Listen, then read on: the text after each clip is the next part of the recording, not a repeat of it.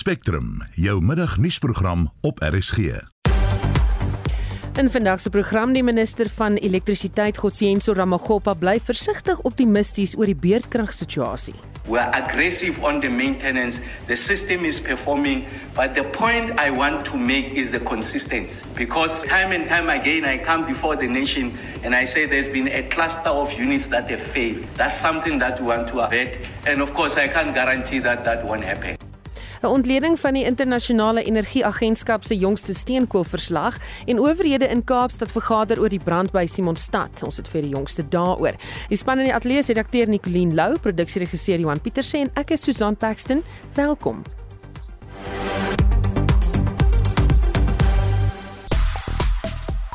Die eendagreeks tussen Suid-Afrika en Indië word vandag beslis in die Parel waar die kook op 36 grade te staan sal kom. Liverpool skuif aan na die halfeindstryd van die Carabao beker en die sokkerlegende Dani Alves sal volgende Februarie op 'n aanklag van verkrachting verskyn aan 'n hof in Spanje. Al die besonderhede volg net na 12:30. Ons het vroeër vanoggend op monitor met 'n slangkenner gepraat oor die huidige slangseisoen en ons wil by jou weet wat was jou uh, ergste of eerste kennismaking met 'n slang? Hoe het jy dit hanteer? Skrik jy vir slange of is jy van daai rare tipe mense wat kalm kan bly? Laat weet ons gerus stuur 'n SMS na 45889 teen R1.50 per boodskap. Die verkeer op die landse paaie is weer effe meer soos die tweede golf van vakansiegangers na hulle bestemmingsreis. Vragmotors staan ook vir kilometers op die N4 by Komati Poort in die rigting van Mosambiek. Intussen het die departement van vervoer gesê voetgangers moet op toegewyde plekke paaie oorsteek omdat die onwettige oorsteek van hoofpaaie 'n groot bydraende faktor is tot ons hoë padsterfte syfer. Die departement het sy padveiligheidsveldtog in Heidelberg Gauteng geloods en 'n bietjie later in die program gaan ons uh, na daai storie toe en dan gesels met ons uh, korrespondent of eerder Johan Jonk van Arrive Alive. Stygende kos en brandstofpryse het Suid-Afrikaners vanjaar hulle sente laat omdraai. Volgens inligting van nasionale kredietreguleerder of die nasionale kredietreguleerder, het banke in die eerste kwartaal van jaar sowat 70% van alle kredietaansoeke afgekeur.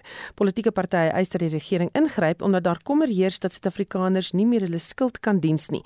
Dit 'n klerk doen verslag? Data van Statistiek Suid-Afrika het aangetoon dat inflasie in November gedaal het, meegebring deur 'n daling in die brandstofprys. Sommige politieke partye redeneer egter die beleid oor hoe inflasie bepaal word moet heroorweeg word. Die hoof-ekonoom van Atswisa Capital, Miela Mkwabela, sê Suid-Afrika is in 'n ekonomiese krisis. Consumer credit rejection by banks in the first quarter of 2023 is in line with the livelihood crisis unemployment rate that the country is experiencing. And I will say there is nothing uh, shocking in that because when you as well look on the consumer confidence you will find that in the third quarter of 2023 consumer confidence was at 16 points. And then in the fourth quarter of 2023 consumer consumer confidence is at minus 17 points. Die nasionale woordvoerder van die Vryheidsfront Plus, Wouter Wessel, sê Suid-Afrikaanse verbruikers trek aan die swaarste end. Die regering se geld is op. Die begroting het 'n tekort en die staat se skuld neem onvolhoubaar toe. Suid-Afrikaners beleef daagliks 'n lewenskoste krisis. Ons het daarom intervensies nodig wat die ekonomie aan die gang kan kry, wat Suid-Afrikaners in 'n posisie kan plaas waar hulle geld kan bestee en sodoende die ekonomie aan die gang kan kry. Dan sal werke geskep word. Ons het wel 'n tekort aan belastinginkomste, maar as ons aangaan op die traject waarop ons tans is, gaan ons oor die langtermyn geen belastinginkomste hê nie, want Die lewenskoste raak net te hoog en Suid-Afrikaners bestee nie geld in die ekonomie nie en op vind nie beleggings van die privaat sektor plaas nie.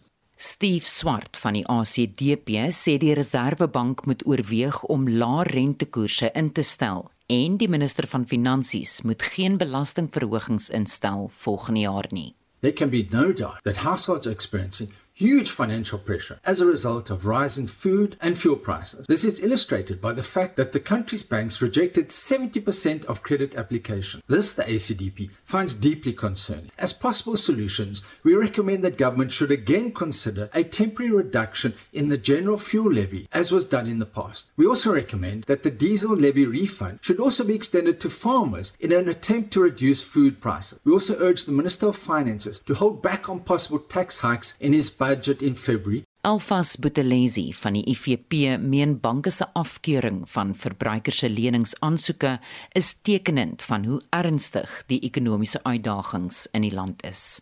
The IFP believes that since the announcement made by the National Credit Authority that banks have rejected over 70% of credit application in the first quarter this year shows exactly how deep the dire economic situation our country is. Many households cannot make ends meet they cannot put food on the table and cover all expense on their salaries alone. Our people are living from paycheck to paycheck as the cost of living has skyrocketed. To make matters worse, those who have been successful in getting loans to supplement their income are doing so at ever higher rates and they are now at a high risk of defaulting on their debt repayment. Dit was die IFP parlementslid Elfas Buthelezi. Die verslag is saamgestel deur Abongwe Kobokani in die parlement. Ek is Estie de Klerk vir SAK nuus. Nou gesels ons verkeersake en ons praat met Johan Jong van Arrive Alive. Goeiemôre Johan. Goeiemiddag Susan. So gister het die departement van vervoer sy veiligheidsplan bekend gemaak. Hy het onder meer gesê dat voetgangers 'n groot probleem. Uh hoe groot probleem is voetgangers? Uh, definitief Susan, elke jaar is omtrent so 40% van die padsterftes is voetgangers. Ek weet in die Weskaap die eerste week van Desember was 12 van die 21 padsterftes en daai week was voetgangers gewees, so dit bly dit bly 'n groot probleem. Hmm. Die departement sê voertuie wat op verkeerde plekke verbysteek op die paaie is ook 'n groot probleem. Hoekom hou mense dit aan doen? Ene Susan, ek sê noudag vir iemand, ons is 'n land met goeie rugby spelers, maar goeie bestuurders is ons nie. Jy weet ons is ons is baie onverskillig, ons is baie ongeduldig. Ek dink ons uh, ons mense is eenvoudig te ongeduldig op die pad. Ons probeer in ons bewusmaking baie beklemtoon dat voor iemand verbygaan dat jy maar moet vra, jy weet, is dit wettig? is dit veilig, is dit nodig? En dat ons versigtig wees vir hierdie uh, veelvuldige voertuig, jy weet, verbygangers, die mense met die sterker karre wat sommer 'n paar voertuie op 'n slag verbygaan. Hmm. Die departement wil dit ook verpligtend maak dat mense wat meer as 200 km ver ry, veral vragmotors, 'n hulpbestuurder moet kry. Wat dink jy van die plan? Uh, weet jy Susan, ons beklemtoon geweldig baie dat bestuurders moegheid is 'n is 'n groot probleem uh in die in die trokindustrie self is dit iets wat wat opgelos moet word tussen die unies en die uh die die collective bargaining council. Maar ek ek wil miskien tog 'n voorbeeld vir jou gee. Jy weet ek het ver oggend gepraat met een van die grootste busmaatskappye uh in die land wat so 270 busse het. Nou byvoorbeeld by hulle by, by Intracape byvoorbeeld is dit 'n riglyn dat 'n bestuurder nie langer as 4 ure moet ry nie en dat daar twee bestuurders op die bus moet wees. Hulle werk ook op 'n sogenaamde tag stelsel waar jy weet die een bestuurder kan nie langer dan ry en die ander een se se se se rit of pligte oorneem nie. En dan ook nog as jy kyk na uh, die die die sogenaamde onboard kameras, is dit moontlik wie die private sektor probeer regtig die verantwoordelike maatskappye om seker te maak dat hulle twee bestuurders het. Uh dit dit ek dink dit sal 'n groot bydrae maak. As ek, ek byvoorbeeld kyk, ek kyk nou net na die die nuutste N3 tolkonsessie media vrystelling Ek weet julle gaan net nie nog gesels met hulle ook. Jy weet in die N3 vanaf Januarie vanjaar tot einde November was daar 551 vragmotors betrokke in ongelukke. En dit is definitief iets wat ons moet aanspreek. Uh, ons wil beklemtoon nie net by, by die vragmotorbestuurders nie, maar ook by die gewone bestuurders. Maak asseblief seker jy stop elke 2 ure, rus tog en voor jy begin ry, slaap die antwoordheid tog maar goed dat jy uitgerus op die pad gaan ook. En sê vir my watter ander tipe probleme ervaar vragmotorsbestuurders ook? Jy het vanoggend vir my 'n foto gestuur van toue en toue vragmotors wat wag by Komatipoort. Jy weet is daar ander uitdagings ook vir hulle? Nee nee definitief Susan weet jy ons het eergister het ons geseer naby Tweedy op die N3 waar vragmotorbestuurder besig was terwyl hy bestuur om kos te maak op 'n gasstoofie.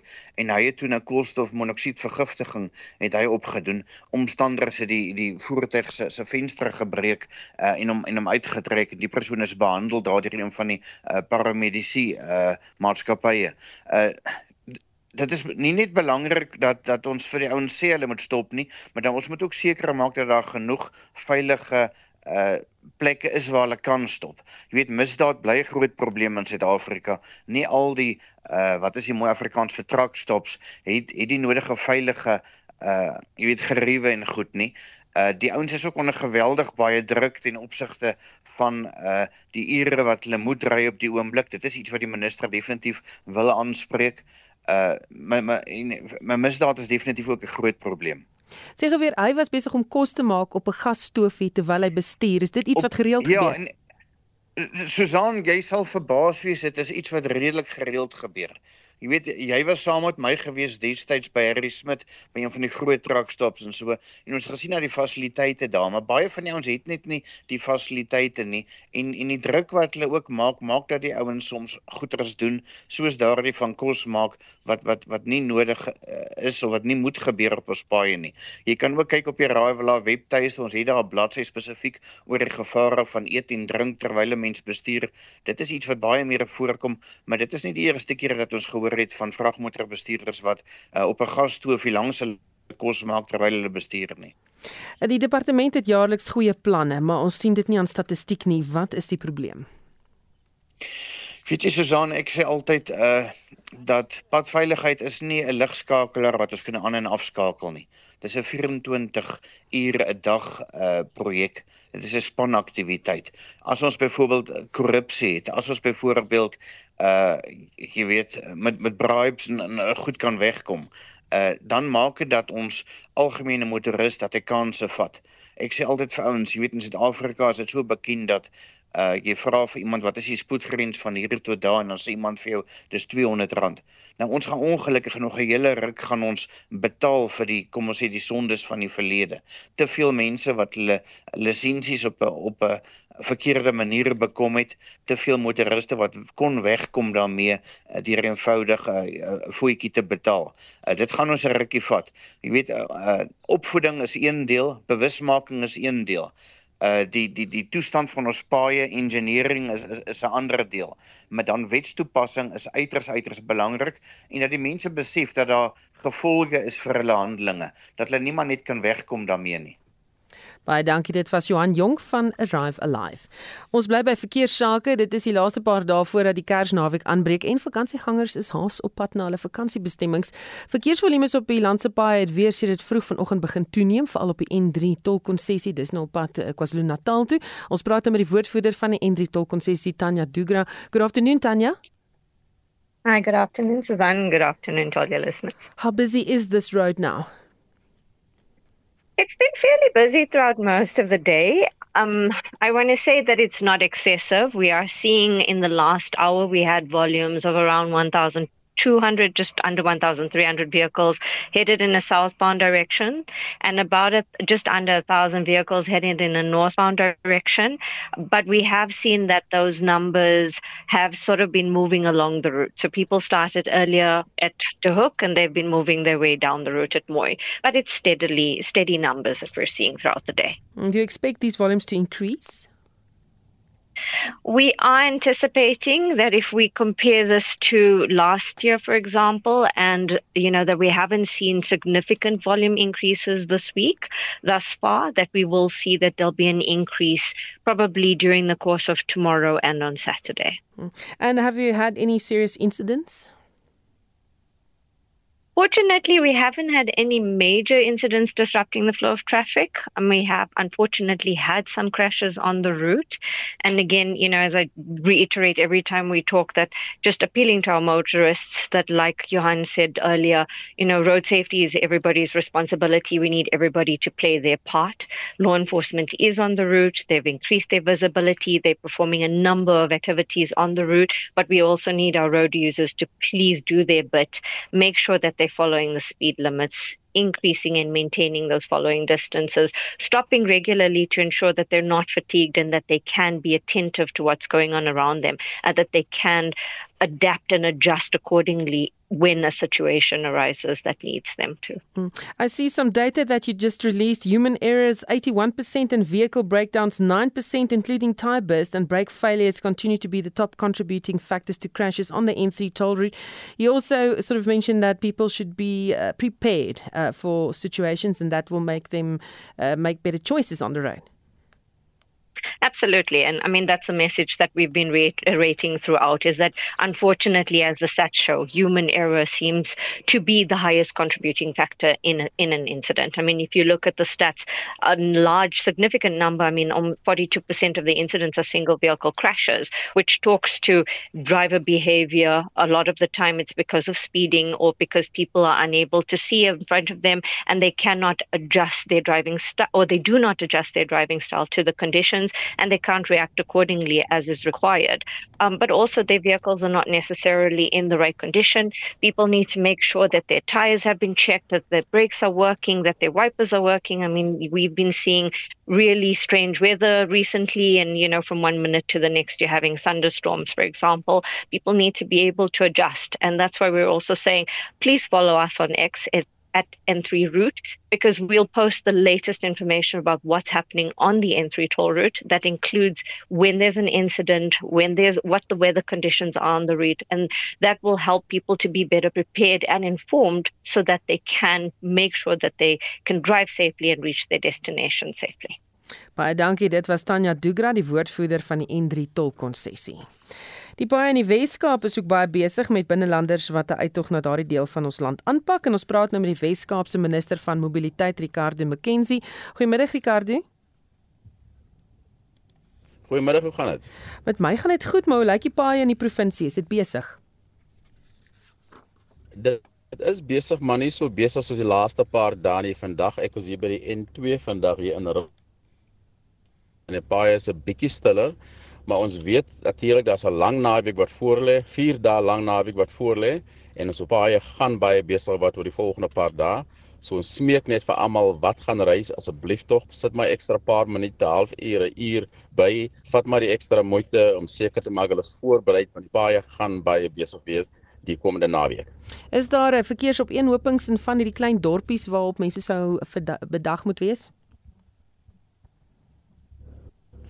Daar was gister gewees uh, vir oggend vroeg in Stilbaai was ons daar gewees, maar dit was net 'n uh, stop and go. Hulle was besig om die paaie reg te maak.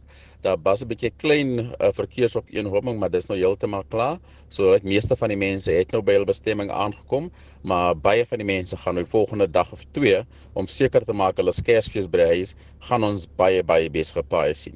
So ons vra maar vir almal voor hulle ry asseblief, kyk my hulle bande gordel vas asseblief. Moenie drink en bestuur jy ons het meer as 200 mense al arresteer wat te veel uh uh uh gekuier het wat onder die invloed van alkohol en en weet dat alles gevaarlike bestuur dit is onverantwoordelikheid. En Susan mag ek gou sê ek weet nie of almal reg gehoor het wat Johan vroeër gesê het nie. Die man het gery en gekook terwyl hy bestuur. Hmm. dis nogals as dit nie so tragies was nie. terwyl hy as dit so tragies was, was dit jy weet wat dit is onbelaglik die onverantwoordelikheid van mense wat ry op ons paaie. En hy sê die enigste een nie. Daar is baie mense wat net roekeloos optree. Dit is wat baie ongelukke in ons paaie veroorsaak. Ons doen ons gedeelte en ek seker oor die land doen hulle ook hulle gedeelte. Verkeersbeamptes is uit, die mense, hulle werk hard. Uh, maar daar's 'n paar mense wat net onverantwoordelik is om te kook en te bestuur. Ek meen jy gaan mense doodmaak. Hmm. Ricardo, uh, is daar spesifieke veldtogte of planne wat jy het om te verseker dat mense by die padreëls hou? Daar is veldtogte ons al van die 1 Desember. Ek myself vir die laaste 6 dae was ek al op die pad Lensburg, Prins Albert, Beaufort, Oudtshoorn daar's baie veldtogte wat ons het.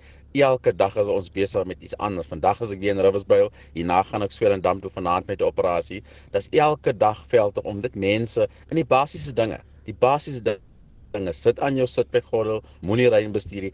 Elke veld daar is dit vir mense om basiese dinge wat almal eintlik weet. Maar ek dink sodra mense uit die huis uit is en ons op pad om hulle ouma en oupa te gaan kuier, dan vergeet hulle van die basiese ding. Maar as elke dag het ons met 'n veldtog beter besig om 'n boodskap uit te kry. Baie dankie vir jou ook wat nou vir ons op jou radiostasie het, sodat ons net die mense kan die boodskap deurgee. Want mense weet dit, maar sodra hulle op die pad is einde Desember, dan vergeet mense van baie uh uh um van die reëls. Hmm. Baie dankie vir praat met die Weskaapse minister van mobiliteit Ricardo McKenzie en soos jy dalk kan hoor in die agtergrond as jy in Gauteng is, die weer steek op. Dit lyk vir my gaan 'n storm wees in Johannesburg as jy op die paai is, ry ook versigtig. Die brand wat maandag in die Simonstad omgewing uitgebreek het, woed steeds voort en honderde brandbestryders spook om dit onder beheer te bring. Vyf brandbestryders is sedert maandag beseer. Die woordvoerder van die Kaapse Metro se brand- en reddingsdienste, Jermaine Karls, sê die brand word verder deur 'n sterk wind aangeblaas en ons praat nou met hom. Goeiemiddag Jermaine. Haai, goeiemiddag dames. Net 'n korreksie daar, die brand het ontstaan Dinsdagoggend net so na 7. Ah, net so na 7. Daar, ja, nee, Maandag en Dinsdag. Sê vir my, wat is die situasie op die oomblik? Ja nee, ons het nou omtrent so 150 firefighter brandbestryders um, op die lyn en dit is met um, working on fire sandbox um BVS soos 'n uh, multi multi um, operational um, approach om hierdie brand onder beheer te bring. Um, ons on, ons die die wind het, het baie opgekom vanoggend so ons het, ons uh, dat veroorsaak sekere probleme, maar ons het vier choppers nog in die lug wat ehm um, wat ons help met die aerial support. Hierdie wind maak nie dat hulle nie kan vlieg nie, nê. Nee nee nee nee, hy's nog nie so sterk nie. Ons het vanoggend die Black Hawk ook op daar gehad vir 'n uur om te ja, want die Black Hawk kan dan gelukkig in sterk winde vlieg. Sê vir my, hoeveel brandbestryders is by die operasie betrokke om te probeer om hierdie brand onder beheer te bring? Ja, nou currently sit ons met so omtrent so 150 brandbestryders um, wat help. Hmm. Is nog inwoners intussen gewaarsku om hulle huise te ontruim? Ja, daar was net gister, ek dink gister agtermiddag so uh pre-evacuation vir sekere areas, maar almal is weer terug in hulle wonings. En hoe gaan dit met die brandbestryders wat beseer is? Ja, gelukkig het hulle net um die die oggend uh, gegaan vir observasie. Die hy was uitgecheck en albei van hulle was um dieselfde oggend ontslaan. Baie dankie. Ek het gepraat met die Kaapse Metro se brand- en reddingsdienste se hoof, Jermaine Karlse. Jy luister na Spectrum elke weekmiddag tussen 12 en 1. Later in die program die jongste oor die verkiesing in die DRK en ons vra of die Suid-Afrikaanse bloeddiens genoeg voorraad het bly ingeskakel.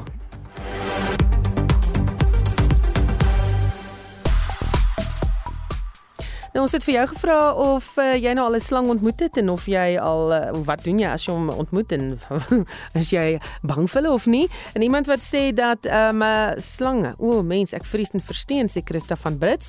Uh, nog iemand wat sê ek bly weg van slange af, baie bang vir hulle moet in hulle gate bly en ek bly dan rustig in my huisie. Dan sê Juanita Skuman, ons kamp in die Koueveld, dis kan 7 weke spoor. Vanoggend op pad na die badkamer toe, lê daar toe 'n kort vet slang, dis 'n pofadder. Ek het koud geraak en net daar omgedraai en vergeet van my noot. En toe ek weer daar verby ry, was ek te bang om uit te klim, maar daar is die slang toe nou weg. Ek is beslis bang vir slange, sê sy. En Stefanus de Pre sê, ehm, um, hy sê my eerste kennismaking met 'n slang, ek het destyds in 'n bloekomboom vir ons huis geklim. Ek het pas 6 jaar oud geword in 1951. Dit moes baie indrukwekkende ontmoeting gewees het as jy dit onthou. Ek wou na 'n tak gryp om my op te trek, toe sien ek die tak is nie 'n tak nie, maar die lyf van 'n spikkelkapel. Alles het baie vinnig gebeur. Ek het toe iets daarna gegryp nie en het uit die boom uitgeval. Dit het my al die jare baie um, bygebly. Dis Stefanus te Pre wat vir ons laat weet. Baie dankie. Sjoe. Ehm um, en dan sê luisteraar eh, ten opsigte van die spoed stories dat spoedbeperkings in Australië en Nieu-Seeland is 100 km/h. Uh, ek wonder of dit nie 'n verskil sal maak aan ons sterfte syfer op die pad as ons dit ook hier doen nie. Dankie dat jy saamgesels 45889. Onthou SMS se kos R1.50. Oudo Karel se sluit by ons aan vir die jongste sportnuus. Goeiemiddag Oudo. Middag Susan. Die beslissende eendagwedstryd in die reeks begin oor minder as 'n halfuur. Wat se jongste daar op Boland Park? Wat wat ons tot dusver weet is pragtige weer in die Parel. Ons wag nou vir die lood om plaas te vind. Uh hopelik sal dit plaasvind voor ek met die uh, bulletin klaar is. Dan laat ek julle weet die eerste kolf. So kom ons kyk vir nou eers aan dan na ander cricketnuus toe. Ons vrouspan, hulle het ook kans van 'n reeks oorwinning uh nadat hulle reeks in die lewe gehou het met 'n noemenswaardige 8-paaltjie oorwinning oor Bangladesh gister. Die twee spanne spook dit Saterdag in Benoni uit om die reeks te beslis. Nou Suid-Afrika se onder 19 cricketspan sal ook goeie voorbereiding in kry. Dis nou vir die Wêreldbeker wat hier op eie bodem gespeel gaan word. Uh Cricket Suid-Afrika het vanoggend bevestig dat die toernooi voorafgegaan sal word deur 'n reeks eendagwedstryde wat dan ook die spanne van Afghanistan en Indië insluit.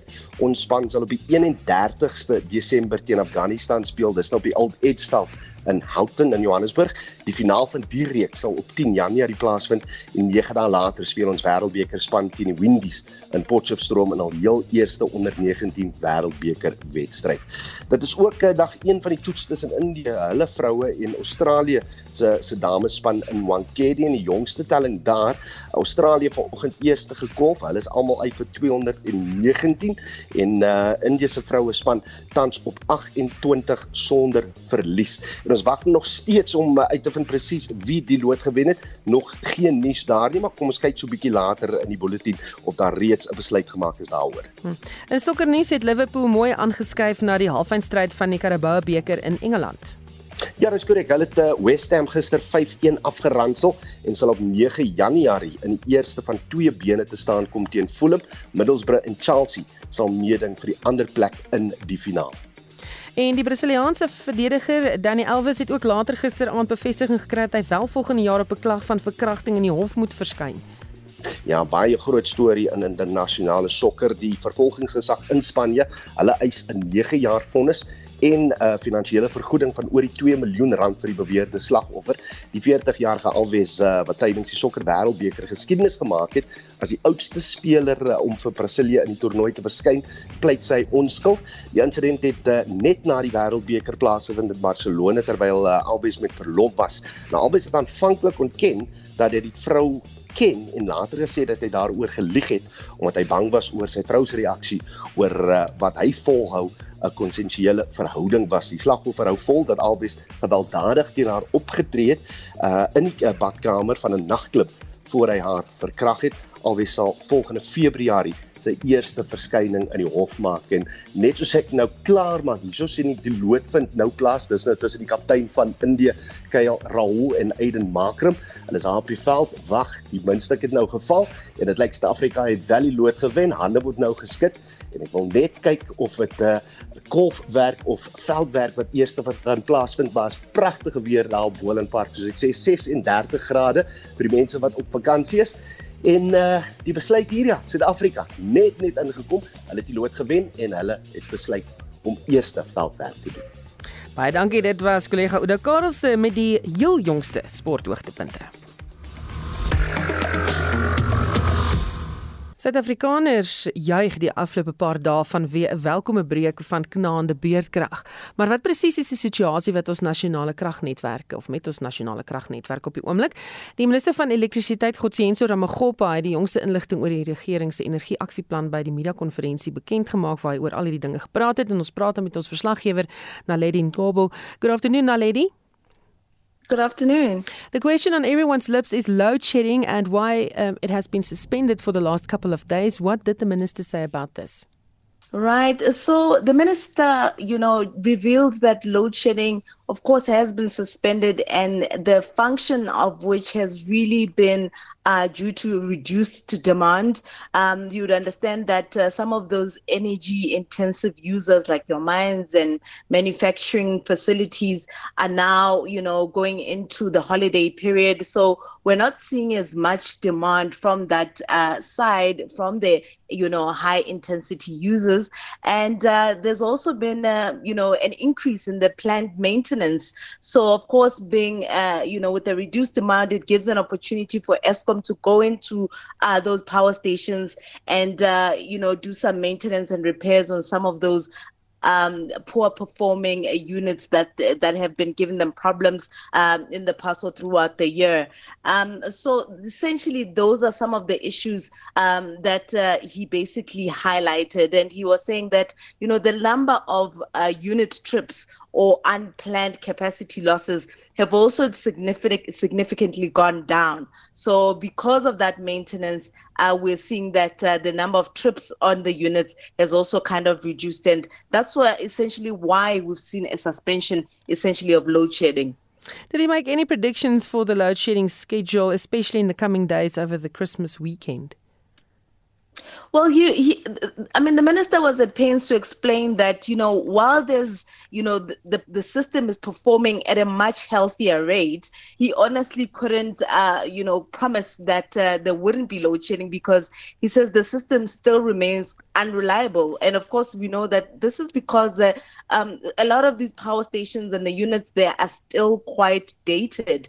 These are old, this is old infrastructure. So it remains unreliable. And so the minister there saying that, you know, while we can maintain uh, the suspension as long as we can and plan to, uh, the issue is that, uh, you know, uh, the system remains unreliable, so anything can happen. But he says, you know, a lot of the Eskom workers are down on the ground, making sure that they're doing their due diligence in terms of maintenance to make sure that we don't see a recurring a recurrence of load shedding in this regard. He was also saying that, you know, they've reduced the the use of diesel. You remember around last year, I mean, I think we had like uh, stage three or stage two up to stage five of load shedding in December, and we're using up a lot of uh, diesel, even now in the winter period. But he says, you know, because of the improvement in the performance of the power stations, um, they've significantly reduced load, uh, the use of diesel, which we know, of course, is heavy on the fiscus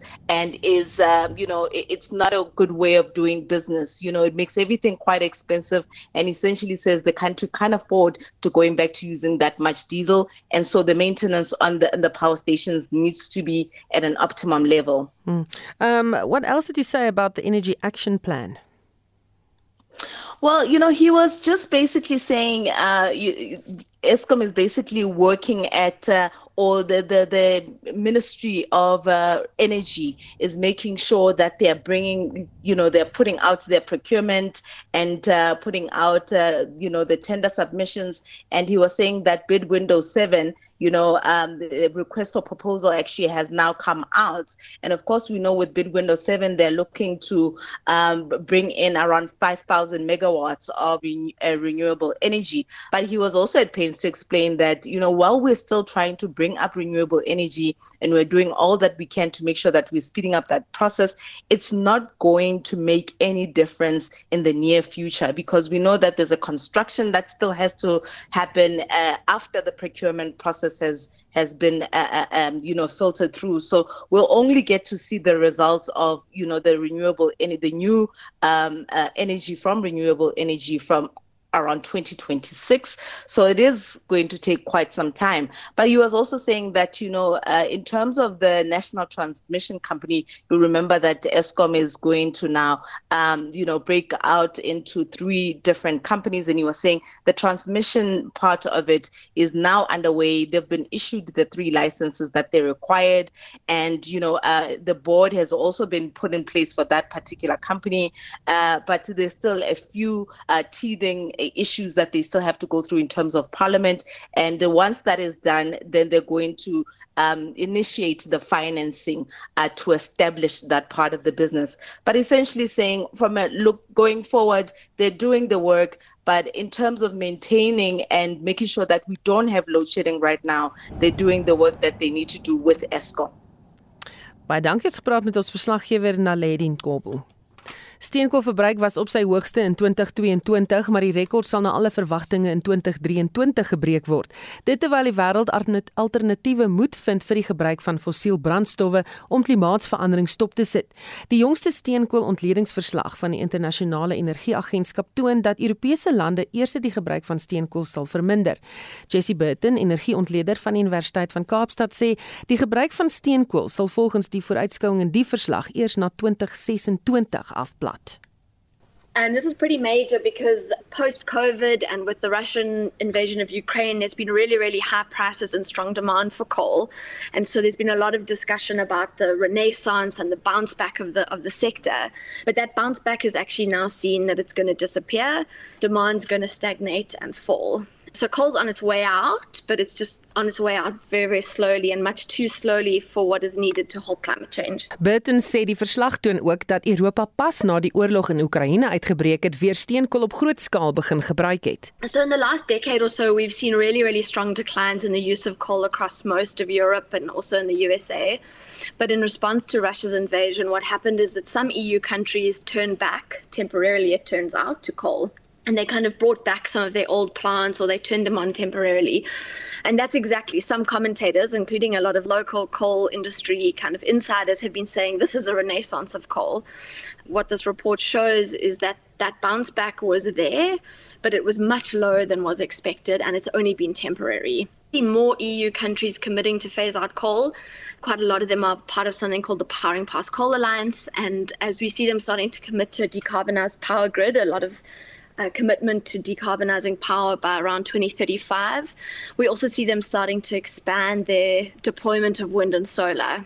And all of those things are kind of coming together to replace the coal and to ensure that even these plants that were kind of brought back temporarily are going to go off again.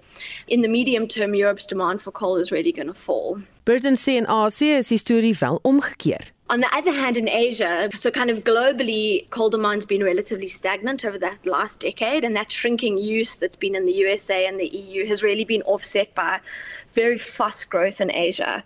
Asia's really been the center of new coal in the last few years, especially in China and secondly in India.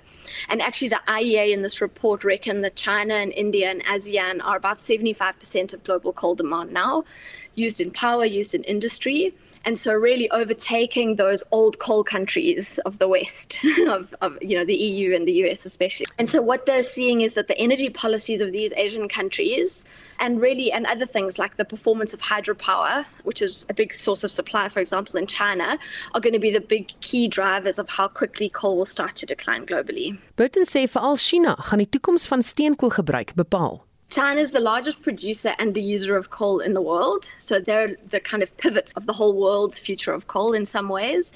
But they're really interesting because they're also the largest producer and user of green tech, so like wind and solar.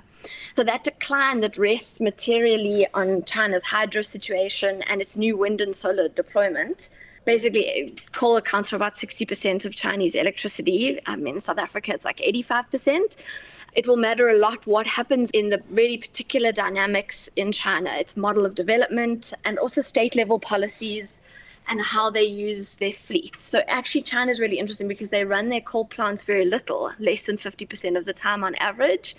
And they've also been one of the few countries that have closed very young plants when they've needed to as a country, they've committed to peaking emissions this decade, and they're starting to kind of look at how all the different pathways to meet their long term net zero climate goals.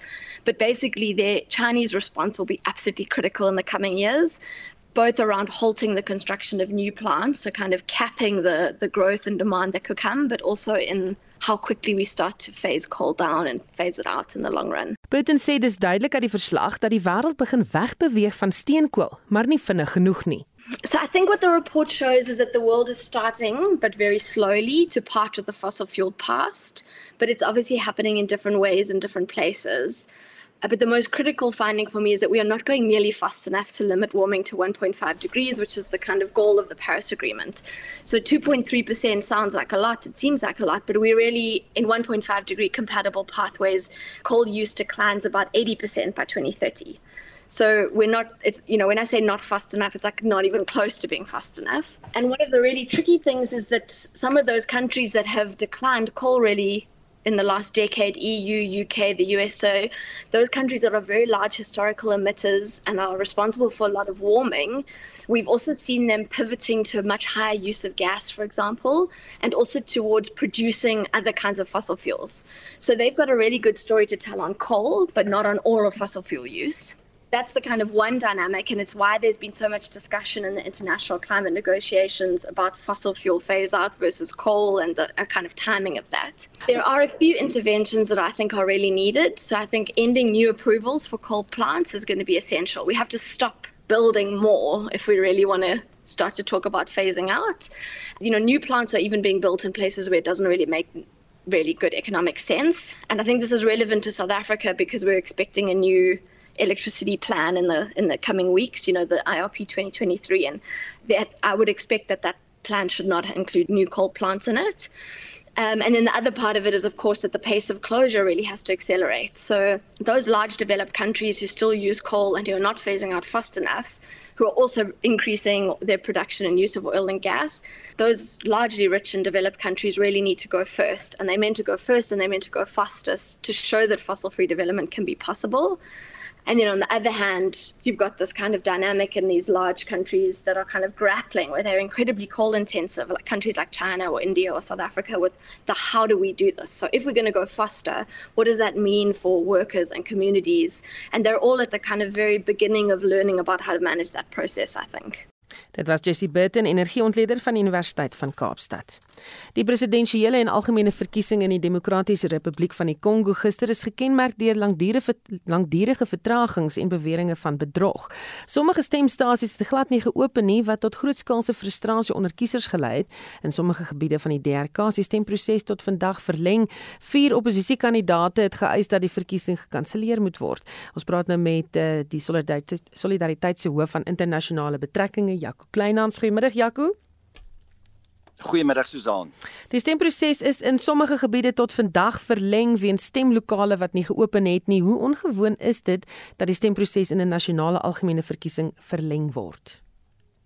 Ja, dis eintlik 'n uh, redelik ongewoon. Dit is maar iets wat mense uh, soms in Afrika lande sien wanneer daar uitsonderlike omstandighede is wat dikwels met uh, weerstoestande verband hou. Uh, ons het al in uh, sommige ander Afrika lande ook die afgelope 2 jaar uh, gesien waar dit gebeur het weens uh, byvoorbeeld vloede en oorstromings. In hierdie geval moet 'n mens egter die verkiesingskommissie van uh, die DRK blameer. Hulle het vir maande lank geweet dat hierdie verkiesing sal plaasvind gister. Um, hulle moes beter voorbereid gewees het en hulle was eenvoudig nie voorberei om die verkiesingsmateriaal, verkiesingstoerusting betyds na verkiesingslokale te versprei nie. Uh en die feit dat 'n ekstra dag bygevoeg is vandag is eintlik maar 'n pleister wat op 'n baie groot wond geplak word want dit is steeds duidelik uh vanoggend uh, gewees dat baie van hierdie stemlokale wat gister nie geopen het nie, open het nie en ten minste 'n derde van stemlokale het glad nie gister geopen nie, dat hulle ook nie vandag sal kan open nie en dat by baie ander stemlokale waar mense wel gister kon stem, daar natuurlik groot logistieke probleme was.